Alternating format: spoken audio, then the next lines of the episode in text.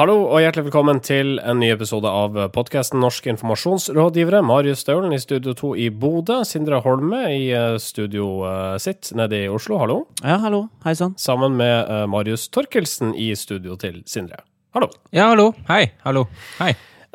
Vi er Altså, det her er episode 76 av denne podkasten.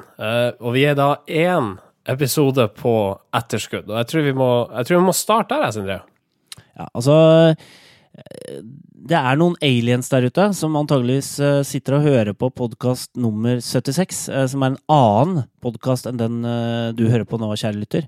Fordi vi, den rett og slett den fins Vi, vi mista forrige podkast. Du mista forrige podkast. Å ja, jeg mista Nei, vi, vi, er et fellesskap, så ja. alle feil som skjer, de, de gjør vi i fellesskap.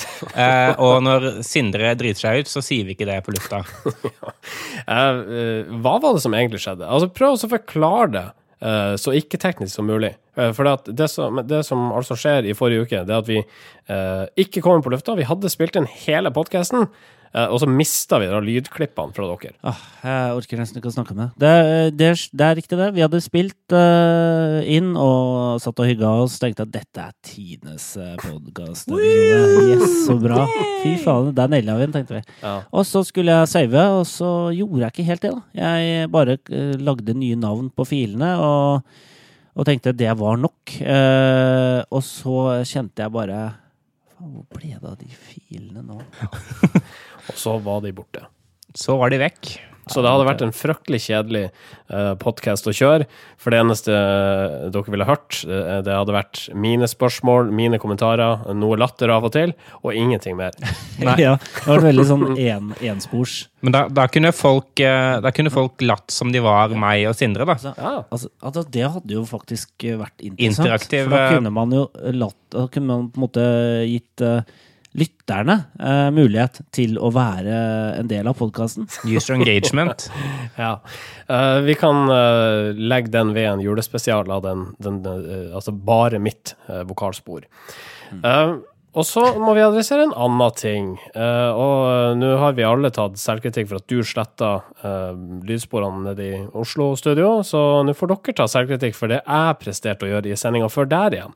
for da hadde vi Andreas Ilebekk som gjesteforeleser, får han vel si. Han hadde skrevet et leserbrev fra sin location Los Angeles, hvor han uh, jobba med VGTV, blant annet. Han hadde analysert renommeet til Tom Cruise. Jeg hadde klippet det hele sammen, og så hadde jeg pitcha ned stemmen hans en smule. Tom Cruise. Det er ikke så ille. Nesten. Og for å forklare ikke-teknisk hva som egentlig hadde skjedd, uh, så hadde jeg konvertert fila jeg fikk tilsendt fra Andreas, til et eller annet merkelig format som ikke var kompatibelt med det formatet vi tar opp podkasten i, og da ble det uh, rett og slett krøll. Og vi fikk en bekymringsmail fra Andreas. Han syntes det hørtes litt ut som trygdebeistet. vet den derre han er litt slitne fyren på trygdekontoret som har ganske forvrengt eh, stemme. Mm. Men igjen, uh, så ille var det ikke. Nei, det var å overdrive. Uh, det var ganske bra, men det var et eller annet Det var litt sånn rart. Det var rart å høre på. Det var et eller annet hm, Er det virkelig sånn? Ja. Jeg, jeg, tenkte bare det at ja, altså, folk er jo ofte ganske fulle, sikkert, i Los Angeles. Litt sånn valiumstemme, kanskje? Ja, valium, Rohypnol. Ja. Men uh, det, det, de problemene har ikke Andreas ja. Ilbekk. Uh, han har ikke de problemene. Uh, jeg hadde tekniske problemer i mitt studio, og det beklager jeg. Feilen er nå retta opp, så det er ikke noe vits i å gå nå og høre på den podkasten for å høre om du hører at stemmen går litt saktere, for det gjør den ikke nå. Men uh, du kan få kjøpt den episoden på eBay, den med det første klippet. Ja, sam sammen med Near The Lost Tapes. ja, da får du rabatt hvis du kjøper det i pack. All right. Um, da har vi uh, tatt masse selvkritikk innledningsvis. Det er en uvanlig inngang til uh, podkasten. Og nå sier vi hjertelig velkommen, omsider ei uke for seint, til Norske informasjonsrådgivere, episode 76. Velkommen. Norske informasjonsrådgivere. Uh, vi skal til Akersgata i uh, Første stikk i denne sendinga her, der Aftenposten har gjennomført et eksperiment. De har publisert en artikkel om merkelige historier fra eiendomsmeglingsbransjen. Og så har de utstyrt denne historien med to forskjellige titler. Eh, og målet var da å finne ut hvilken tittel lokka mest. Og resultatet overraska stort sett samtlige journalister der borte. Ja, det stemmer. Eh, Aftenposten eh, de driver og gjør litt sånn eh, A-B-testing, hvor man da ruter halvparten av trafikken sin til én forsidesak og halvparten til en annen forsidesak. Så det var noen da av leserne på aftenposten.no som fikk se overskriften To mann falt gjennom gulvet på vaskerommet. Visningene som ikke gikk som planlagt. Og noen andre lesere fikk se Les eiendomsmeglernes morsomme historier. Visningen som ikke gikk som planlagt. Eh, og, og så skulle de teste da hvem som uh, kom til å få flest klikk. Og uh, da kan dere gjett, lesere gjette Eller det er lyttere, Lyttere, kanskje dere? kanskje, ja. Dere kan lese hvis dere vil også, men det dere kan gjette nå, bruke ett sekund på å gjette hvem som fikk flest klikk. Kan jeg òg få gjette? Ja, du kan også gjette. Ja. Ok. Hva gjetter du, Marius? Jeg gjetter den der datt gjennom gulvet på vaskerommet. Ja, og det gjetta også 86% av Aftenpostens eh, journalister og de fleste av eh, leserne de spurte på gata. Men den som fikk flest klikk, det var Les eiendomsmeglernes morsomme historier. Ja, Det er overraskende, for det er ikke noe særlig til klikktiser, egentlig. Nei, e- egentlig ikke. Ikke, hva man, ikke det man skulle forvente, i hvert fall. Eh, Men det som er litt sånn pussig, det er når Aftenposten går ut på gata for å spørre folk hvem de ville ha klikka på, så sier de at de tror de fleste ville klikke på to mann falt gjennom gulvet på vaskerommet, men selv ville de foretrukket, eller i hvert fall det er en som blir intervjua, da, selv ville de foretrukket Les eiendomsmeglernes morsomme historier. Å, Så det er kanskje noe med at man tror at andre eh, har andre preferanser enn deg selv eh, på, på de tinga her. Jeg jeg vet ikke. Det er veldig Ja, det er artig å se. Men det, det som slår meg litt her, er ikke det um, Arrester meg hvis jeg tar feil, men to mann falt gjennom. Er det ikke to menn det skal stå? Og det Står det to mann? Ja. To, to mann. To mann. Ja, Da er det åpenbart hvorfor folk ikke har klikka på den. Jeg ser her er det stavefeil. Jeg anerkjenner ikke artikler med stavefeil. Nei. Skrivefeil. Nettopp. Glem. Denne klikker jeg ikke på. Eh, så da er egentlig den saken her ganske sånn tullete, hele saken. Men, men eh, jeg, jeg tror jo at det er en annen grunn til at folk har klikka mest på den eh, ene og ikke den andre. Ja. Uh, og jeg tror at det handler om at den Les eiendomsmeglernes morsomme historier, den lover noe ganske tydelig. da. Den lover at uh, her kommer det til å være morsomt, og det kommer til å være historier. Den andre saken gir jo på en måte punchlinen egentlig i overskriften. Altså Du vet hva som kommer til å skje, du kommer til å lese og lese og lese, og så kommer det ende med at to mann falt gjennom gulvet. Eh, Så de avslørte hele plottet i begynnelsen, altså i overskrifta. Ja, det er litt sånn, det er litt sånn uh, som å kalle The Six Sense uh, Bruce Willis var død hele tiden. Eh, du har ikke så lyst til å se den da. Nei.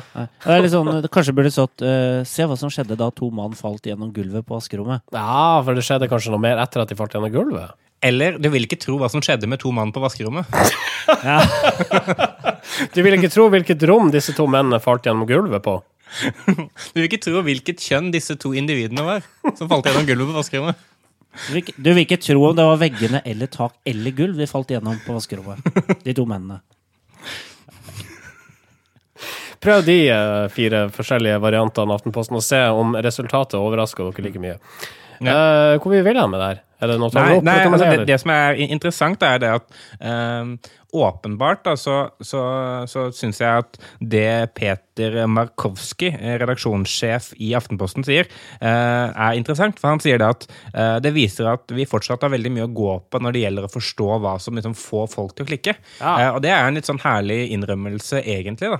Eh, fordi Aftenposten er jo ikke akkurat kjent som de største sånn klikk-teaser-horene som finnes der ute av norske medieinnbyggere, holdt jeg på å si. Men, men, men likevel så er det jo avhengig av klikk som alle andre, og, og de gjør disse eksperimentene fordi de kanskje ser at de vil ha høyere klikkrater på forsiden sin. Eh, og også ikke minst i sosiale medier, da, fordi eh, som vi har snakka om eh, før eh, i den sendingen som ble sletta, tror jeg, eh, er det at eh, norske medier får stadig mindre forsidetrafikk og er avhengig av da, trafikk fra sosiale medier, f.eks. Og da trenger man elleville overskrifter som folk klikker på. Og det kvalifiserer vel til tommel opp, det? Ja, det vil jeg si. Dette er jo i beste Aftenposten-ånd, hvor man både er villig til å lære mer om sine lesere, men også dele det man lærer. da. Eh, Og det er jo gøy for eh, oss andre, som eh, også prøver å leve av klikk på en eller annen måte.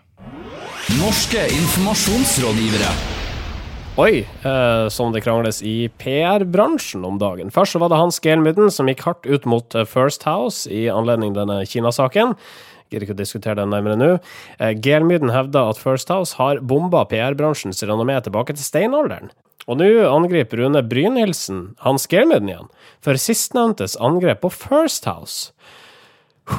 Ja. eh, du tror det ikke før du får se det. Eh, det er jo Nå er jo det herlig kakling der i bransjen. Altså de største alfahannene er nå i tottene på hverandre. Um, og Rune Brynildsen, han um, kaller det et korstog, det som Gelman Kise har, uh, har uh, gjort til angrep da, mot First House i det siste. Uh, og han sier at det har ingenting med etikk å gjøre og bransjestandarder og sånn, eh, den kritikken som eh, Hans Gelmin har fremført, men det handler rett og slett om misunnelse mot en konkurrent som klarer å ansette flinkere folk, skaffe kulere oppdrag, tjene mer penger og få innpass hos flere konsernledelser og styrerom. Ja, han, han, han mener jo det at alt dette her er egentlig bare eh, posisjonering eh, fra godeste Gelmaiden. Eh, og at det er en effektiv måte å forsøke å parkere First House på, men egentlig så har, har det ikke så mye rot i virkeligheten, fordi eh, Gelmaiden Kise og First House i stor grad gjør akkurat de samme tingene, men hvis uh, Gelmøyden klarer å eie, kall det sannheten og definisjonsmakten på hvem som er onde og hvem som er snille uh, overfor mediene, så, så, er det en effektiv måte å, å vise at uh, Gelmøyden Kise er noe bedre enn uh, First House, som sannsynligvis har tatt ganske mye business fra Gelmøyden Kise etter at de startet opp. Ikke sant? Den nye, litt kule gutten i klassen, den må jo settes på plass. Og Nestor Hans Gelmunden. Eh, For han var den kuleste gutten. Ja, han var den kuleste gutten i klassen, eh, og har vært det så lenge, vært det veldig lenge, for det har jo vært ganske sånn grått og trist, i PR-bransjen, egentlig. Det har ikke vært noe sånn Du har jo hatt eh, Gambit, som har eh, vokst og blitt mye større enn Gelmund Kise, men de har på en måte ikke flagga så høyt, da. De har liksom De har eh, vært litt eh, stille og rolig. Uh, og nå Det er jo interessant det som Gelman gjør, fordi at han prøver å liksom definere bort First House fra PR-bransjen, egentlig. Uh, og hvis han klarer det, så er det jo GK som er den kuleste gutten i PR-bransjen. Hva uh, har Rune Brynhildsen da å tjene på å henge ut Gelman igjen? Nei, det er kanskje litt mer uklart. Jeg klarer ikke helt å se altså at, at han har et sånn tydelig sånn oppside ved å gjøre dette. Fordi han vet jo det at, uh, at når han går ut med dette mot Hans Gilmøyden, så kommer bare Hans Gilmøyden til å henvise til det at Rune Brynildsen ble dømt for innsidehandel i 2007, ja. eh, og så parkere det der.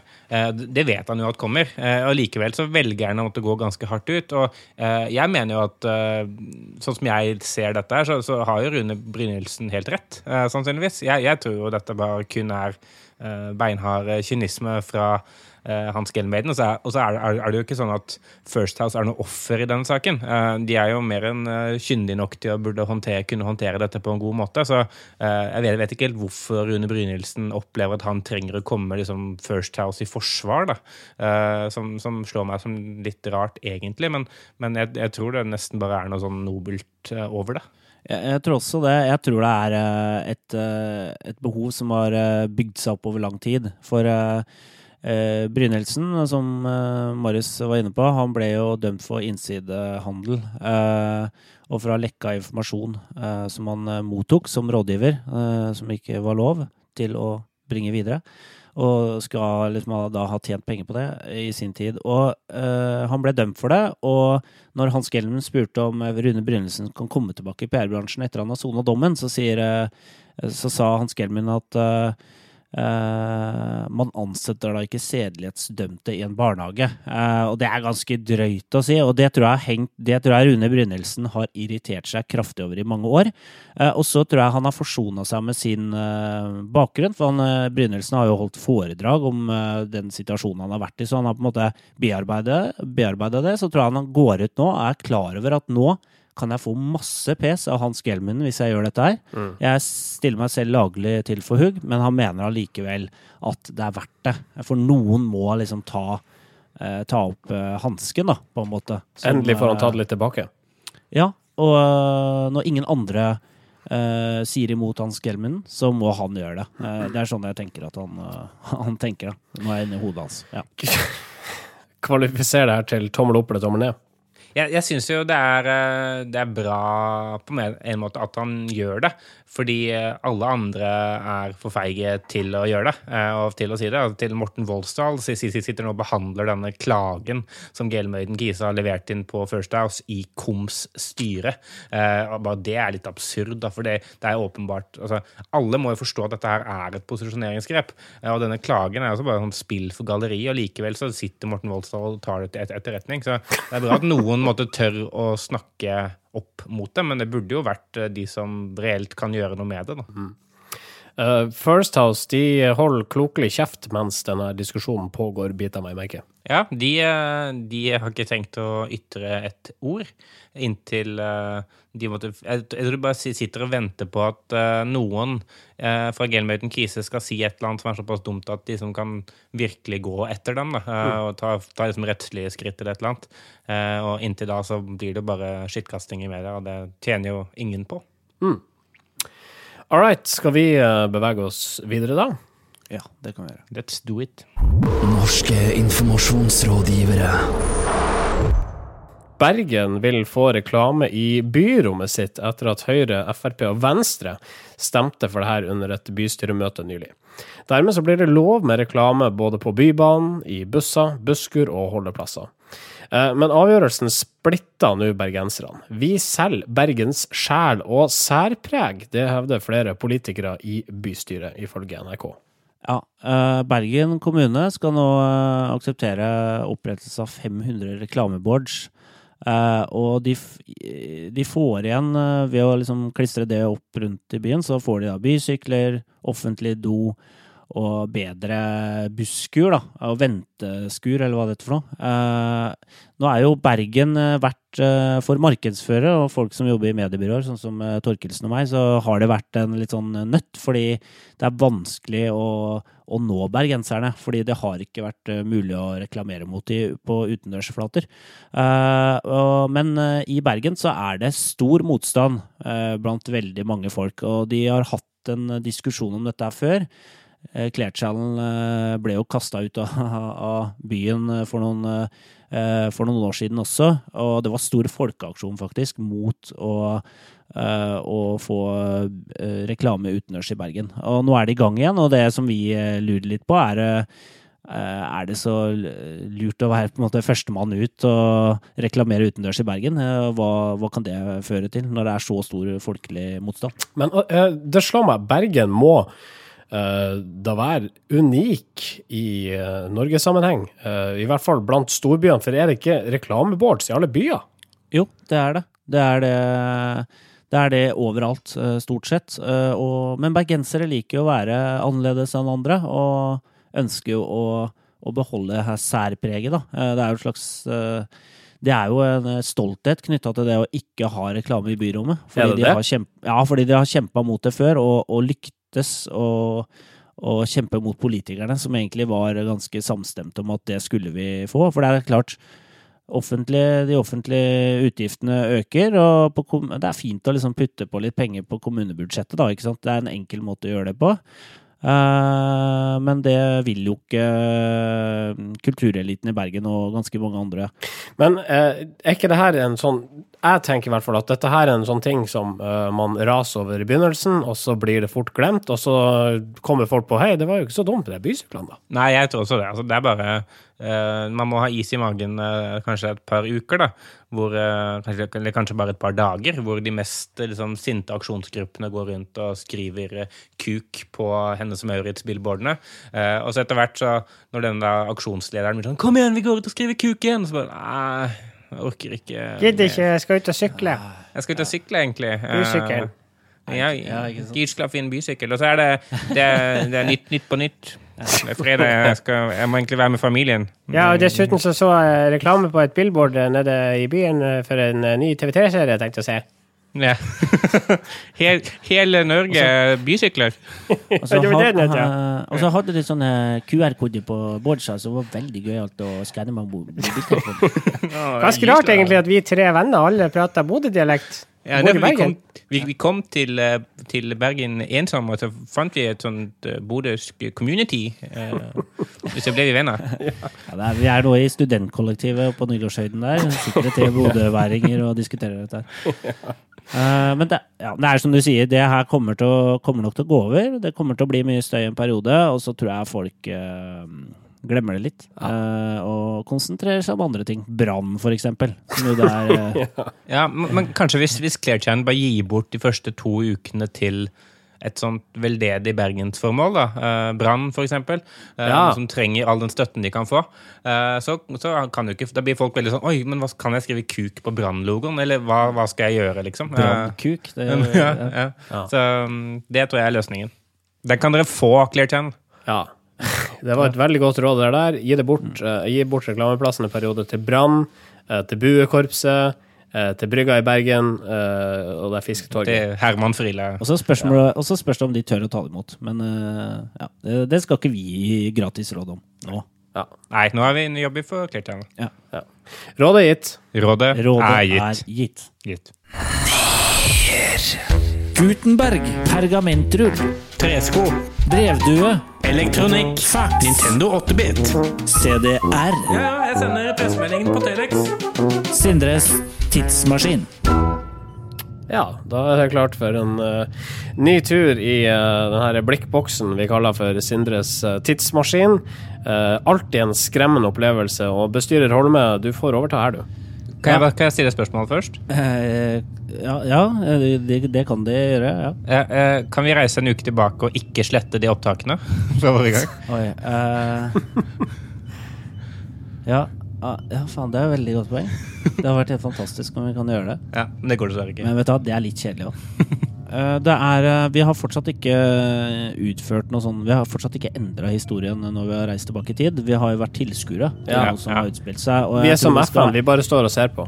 Ja, vi er litt sånn observatører. Eh, ikke sant? Sånn, eh, vi er vitne til litt av hvert. Men ok, greit, da kjører vi i gang. Vi skal Ja. til Jo, vi skal til eh, 1986. Det er året da statsminister i Sverige Olof Palme blir drept på åpen gate i Stockholm. Det skjer en atomkraftulykke i Tsjernobyl i Sovjetunionen. eh, og Eurovision Song Contest blir avholdt i Bergen, faktisk. Og jeg blir unnfanget. Reklamefrie Bergen. Og du ble unnfanget, ja. Ja. Da kan vi høre det borti Tønsberg-traktene. Eh, Men vi skal jo ikke til Tønsberg, eh, Nei. selv om det ville vært en begivenhet. eh, Selvfølgelig. Vi skal heller ikke til Bergen, nei. Kom vi igjen, skal, da. Ja, vi skal lenger vest, og vi skal til Mexico City. Ok, så langt vest, ja. Det skal vi. eh, Og der skal vi til Asteca stadion. Eh, Nå er vi da vitne til en eh, kamp mellom England og Argentina. Og en liten spiller med ti, tier på ryggen, han løper inn i, i innenfor 16-meteren. eh, Får ballen i hodehøyde og bokser inn ballen med hånda. Eh, og eh, Argentina vinner da 2-1 over England. Og denne lille spilleren, han kjenner vi godt. Han heter Han heter Diego Armando eh, Maradona. Og er en av, blir da en av tidenes uh, fotballspillere etter den, uh, dette mesterskapet. For Argentina går jo fra, uh, helt fra, til finalen og vinner over Tyskland. Eh, det vi skal se litt nærmere på som er interessant her, det er jo nettopp Maradonas forklaring på denne goalen. For han kunne jo f.eks. sagt ja, beklager, jeg skårte med hånda. Uh, det burde jeg ikke gjort, uh, men jeg er allikevel lykkelig over at vi slo England. Uh, han velger bare å si at det var Guds hånd. Eh, og det uttrykket blir jo stående i historien som en, uh, som en liksom plausibel forklaring, uh, selv om det jo er juks. Men han, han kommer liksom seirende ut av det. Det er en all, galant måte å si, si på at, at Argentina fikk hjelp av Gud. Det Ja. gjorde ikke England. For det som er interessant med det, er at hjemme i i Argentina så vinner jo det her uttrykket gjenklang, fordi to år tidligere, eller fire år tidligere, så eh, blir argentinerne ydmyka av eh, engelskmennene, fordi at eh, da er det Falklandskrigene som pågår. Eh, og det er en øygruppe utenfor Argentina som, som Argentina prøver å ta tilbake fra engelskmennene, eh, men de blir da eh, knust av den britiske marinen og må lunte tilbake til fastlandet og har egentlig tapt en krig mot en eh, tidligere kolonimakt. Eh, og i 1986, eh, når eh, Maradona sier her, eh, de her eh, gullkanta ordene at det var Guds ånd, så føler argentinerne at eh, nå har vi fått eh, Vi har Gud på eh, vår side, og vi har nå slått England. Eh, og det vil bli stående i historien at vi eh, er har beseira England, rett og slett. Så det er på en måte en hevn for eh, for eh, Falklandskrigene, som, eh, eller Falklandskrigen, da, som Argentina har tapt. Ja. Eh, Så på den tida der så ble det utsagnet der tolka noe kampreligiøst.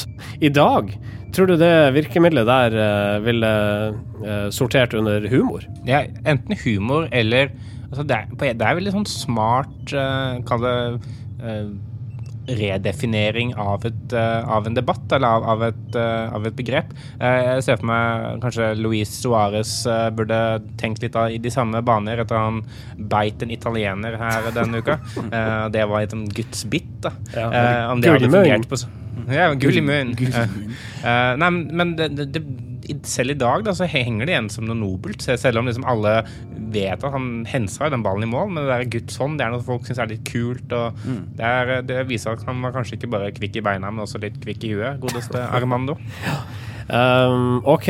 Um, jeg var spent på hvordan du skulle klare å linke deg der til eh, PR, uh, PR-ens verden, men eh, det klarte du fint, Sindre. Takk for turen. Skal vi dra tilbake til vår egen tid? Vi drar tilbake. Norske informasjonsrådgivere. Ni av ti nordmenn elsker Et representativt utvalg av nordlendinger viser at Sørlendinger mest skeptisk til Volvo. hordalendinger best i senga. Kvinner mest opptatt av mild. Oppland på brokkolitoppen. Ukas undersøkelse. Ja, det er en stund siden vi hadde denne spalten eh, her. Eh, desto mer fornøyelig gjenhør. Vi eh, ser i denne spalten på eh, det kommunikasjonsfaglige virkemidlet undersøkelse, som bedrifter og personer bruker for å få spalteplass i avisene. Det stemmer, og nå er det lenge siden vi har hatt ukas undersøkelse. Men det, nå er den tilbake, og det gjør meg så glad. Eh, Jeg syns stemmen brast litt der. Ja, den, eh, den, er, eh, den er på bristens rand eh, når det kommer til stemmer. Men jeg har vært gjennom det som er av mediesaker fra uka som har gått, og funnet de mest kall det kjedelige, rare og dumme undersøkelsene jeg klarte. Eh, og det var ikke en sånn super sånn undersøkelsestung uke. Eh, det var bare seks undersøkelser som jeg kunne grave frem. Har du laga en eh, denne gangen, altså tre undersøkelser, har du gått rett på ukas undersøkelse? Jeg har en, eh, jeg har en pall på to. Ja. Eh, og den, eh, den første, den skal egentlig eh, Den er bare veldig sånn fin fordi den er eh, aktuell. Og den, eh, den fikk bare ett oppslag, og det var i Agderposten. Men til gjengjeld så, så ble det et eh, fint oppslag. Eh, det var eh, Jernia som var ute på farten. Eh, og de har gjort en undersøkelse på eh, hva nordmenn foretrekker å grille med. Og da gikk jeg hva nordmenn foretrekker å grille, for det har Gilde dekket eh, tidligere. Men altså, foretrekker nordmenn gull, nei, kull? Eller gass? Ja, ja. Og det de har funnet ut, det ender i denne ganske morsomme overskriften, hvor det står 'Eldre vil ha gass, yngre foretrekker kull'. Ah. Eh, og, eh, Litt overraskende. for her er det nemlig en forskjell på en hel 1 hvor eh, de som er eldre, altså da de som er pluss eh, 45, de foretrekker eh, gassgrill, mens de som da er under 40, eh, 40 av det, de foretrekker kullgrill. Ah. Oi. Så det var nok til et oppslag i Agderposten. Og her er vi inne på dette med standardavvik og slikt, og eh, en statistiker vil antagelig ha kasta denne undersøkelsen i søpla. Eller på grillen. Det, det man kan eh, spørre seg, er jo hvor stor sjanse er det for å få et oppslag på en sånn undersøkelse? Kunne det jo vært gjort en undersøkelse på det? For jeg regner med at den eh, pressemeldingen er vel sendt til ca. 250 lokalaviser. Og så Ja. er én tatt den. Ja. Det er en veldig bra undersøkelse for øvrig. Um, altså, Begynn å sjekke statistikk på det. Send ut til pressemelding på f.eks. seks av ti eh, undersøkelser får spalteplass. All right. og da har vi altså en førsteplass her også. Altså, dette her er ukas undersøkelse. Dette syns jeg er uh, ukas uh, aller beste undersøkelse. Og litt, det er litt fordi eh, den er, også, den er litt smart, uh, fordi den lar den aktøren som står bak, komme opp med tips og triks og være litt sånn ekspert, samtidig som den også er litt rar. Fordi eh, Elkjøp eh, de har fått et oppslag i avisen Inderøyningen. Hvor nå er det? Det er er vel på, Inder, på Inderøy, da. De har i hvert fall fått et oppslag på at uh, mange syns ny TV-teknologi er komplisert å bruke. Eh, I en undersøkelse som Elkjøp har gjort, så, vi, så viser det seg at hele 50% av respondentene synes det er vanskelig å utnytte all den teknologien som finnes i smart-TV-ene. Hva er det Elkjøp forsøker å selge her? Eh, Det er det som kommer neste gang, da, fordi eh, han som uttaler seg i denne saken, er en som heter Andreas Westgård, som er kategoridirektør. Eh, det står ikke for hva, men han er for kategoridirektør. Eh, og han kommer da med fem tips til hvordan man kan få mest mulig ut av TV-en sin. Eh, og det, da har de brukt undersøkelsen som en brekkstang for å kunne ta en sånn eh, slags ekspertposisjon. Og det man skal gjøre, det er én koble TV-en til et trådløst hjemmenettverk. OK, to. To, koble TV-signalet rett inn i TV-en. Ja. Tre, optimalisere bildeinnstillingene. Uoptimalisere Fire, koble til ekstern lyd. Altså For å få mest ut av TV-en, så trenger du da en ekstern lydkilde. Ja. Og nummer fem, hvordan få mest mulig ut av TV-en sin? Samle alle fjernkontrollene i én universal fjernkontroll. Og Elkjøp selger både eksterne lydkilder og universale fjernkontroller. Så flaks at de gjør det. Så de som ikke har lest eh, ukens utgave av Inderøyningen, dere, dere har gått glipp av noe.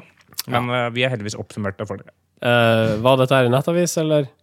Eh, Dette var faktisk papir. Uh, Inderøyningen papir, så den må dere sikkert bestille. Da får vi dessverre ikke linka til den eh, på Facebook-sida vår. Men, men. Uh, Elkjøp får altså prisen for ukas undersøkelse. Gratulerer så meget. Ukas kudos. Uh, og den går velfortjent til Organisasjonen eh, for organtransplantasjoner i Brasil, ABTO. Hvorfor det?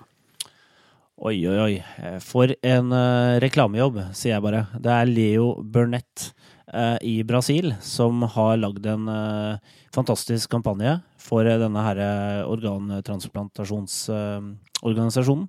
Og det er et stykke PR-arbeid og reklamearbeid eh, som eh, er eh, helt fantastisk bra. Jeg tror vi må få en veldig kjapp oppsummering her. Ja, vi må det. Det er Kampanjen tar for seg en, en styrtrik brasilianer som har en Bentley, en bil til en halv, eh, halv million eh, dollar, eh, som han eh, går ut og sier på Facebook blant annet, og andre steder at eh, den skal jeg eh, gravlegge i hagen. Han skal grave ned Bentleyen sin i hagen. Ja, helt riktig. Eh, og folk blir jo i harnisk, som det heter.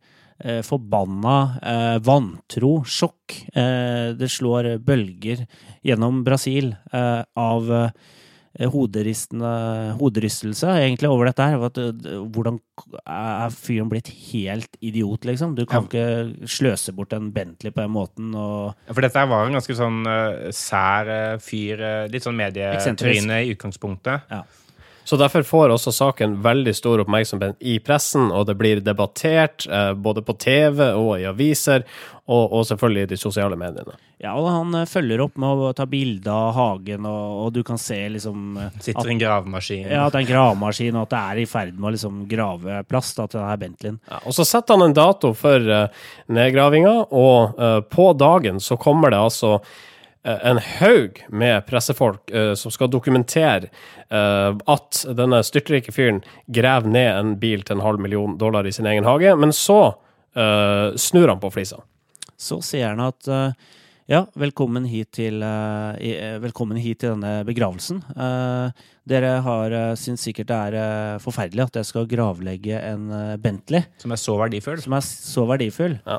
Men de aller fleste mennesker gravlegger noe som er mye mer verdifullt eh, når de dør. For da gravlegger de organene sine og gir det ikke bort til, eh, til noen som kan trenge det. Så det er altså Alle bare sånn mind blown.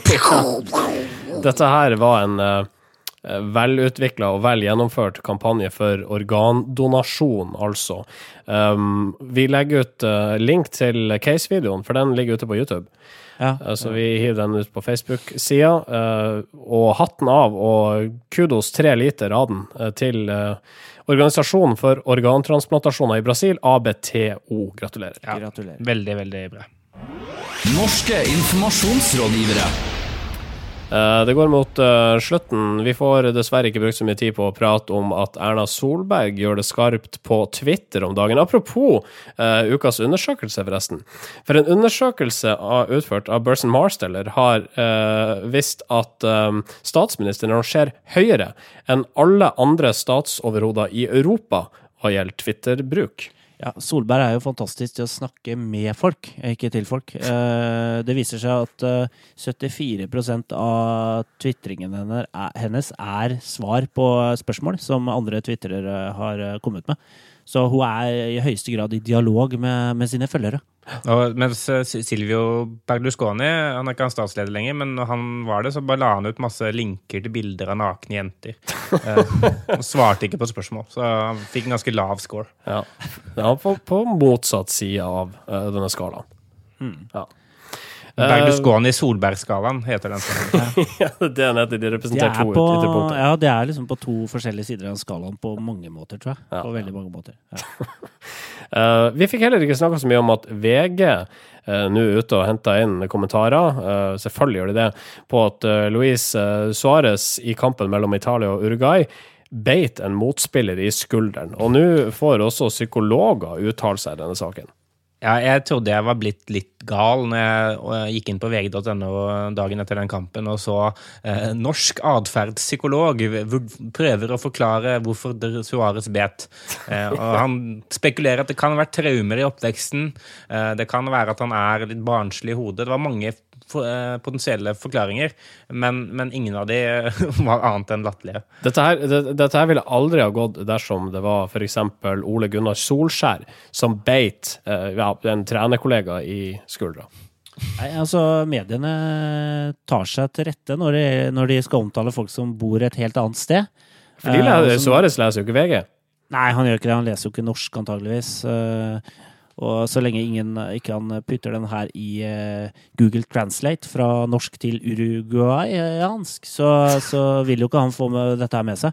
Eh, Men det er jo Det er jo Altså, ja, det er, det er godt helt drøyt, altså. Altså, hvis det hadde skjedd i Norge, så altså, hyrer en psykolog, psykolog til å forklare hva som personene mener og tenker og føler, uh, uten noe tilsvarsrett. Det er, det er, det er så PFU-fellende som det går an å bli. Uh, og ja, det er uh, Dette her, det, det her tror jeg kommer til å få etterspill. Eh, men kanskje har allerede fått det når vi er på lufta. ikke vet jeg. Men kan jo si at VG tok virkelig en uh, jafs av mediedøgnet da, Ja, med dette. Ja, det kan vi godt si. og det, men, men, men sånn er VG. Det, det er VG sin jobb å ta et jafs av mediedøgnet. Det er jo det. Da eh, tror jeg vi slutter å prate, rett og slett. Um, En, to, tre. Er vi helt ferdige? Ja, Facebook.com slash Nearcast, Twitter hashtag Nearcast, Yahoo.com med Nearcast krøllalfa foran. Eh, og da sier vi takk for at du lytta. Beklager forrige sending. Hei, det her er siste sending før eh, sommeren. Det Ja, glemte vi jo. God sommer. God Ja, sommer. Takk for Eh, et eh, fint uh, halvår, eh, gutter, og, og dere som hører på også. Ja, takk sjøl. Det har vært Takk- gøy. takk selv, ja. Eh, Vi håper å få høyere engagement rate på Facebook eh, til høsten. Eh, Det er deres ansvar som lyttere, men, men eh, inntil da så får dere bare slappe av. Uh, når tid er vi tilbake, egentlig? ja, vi er tilbake i august. Andre uka i august. Ja. Vi skal ha en lang ferie først. All right. Uh, god sommer, lyttere. Uh, lytter. Og god sommer til dere gutter i Oslo. Ja. Takk. God sommer oppe i Du òg. Jo, takk for det. Vi, vi høres, da. Vi høres. Ja, gjør det, rett og slett. Ha det! Ha det. Ha det! Norske informasjonsrådgivere.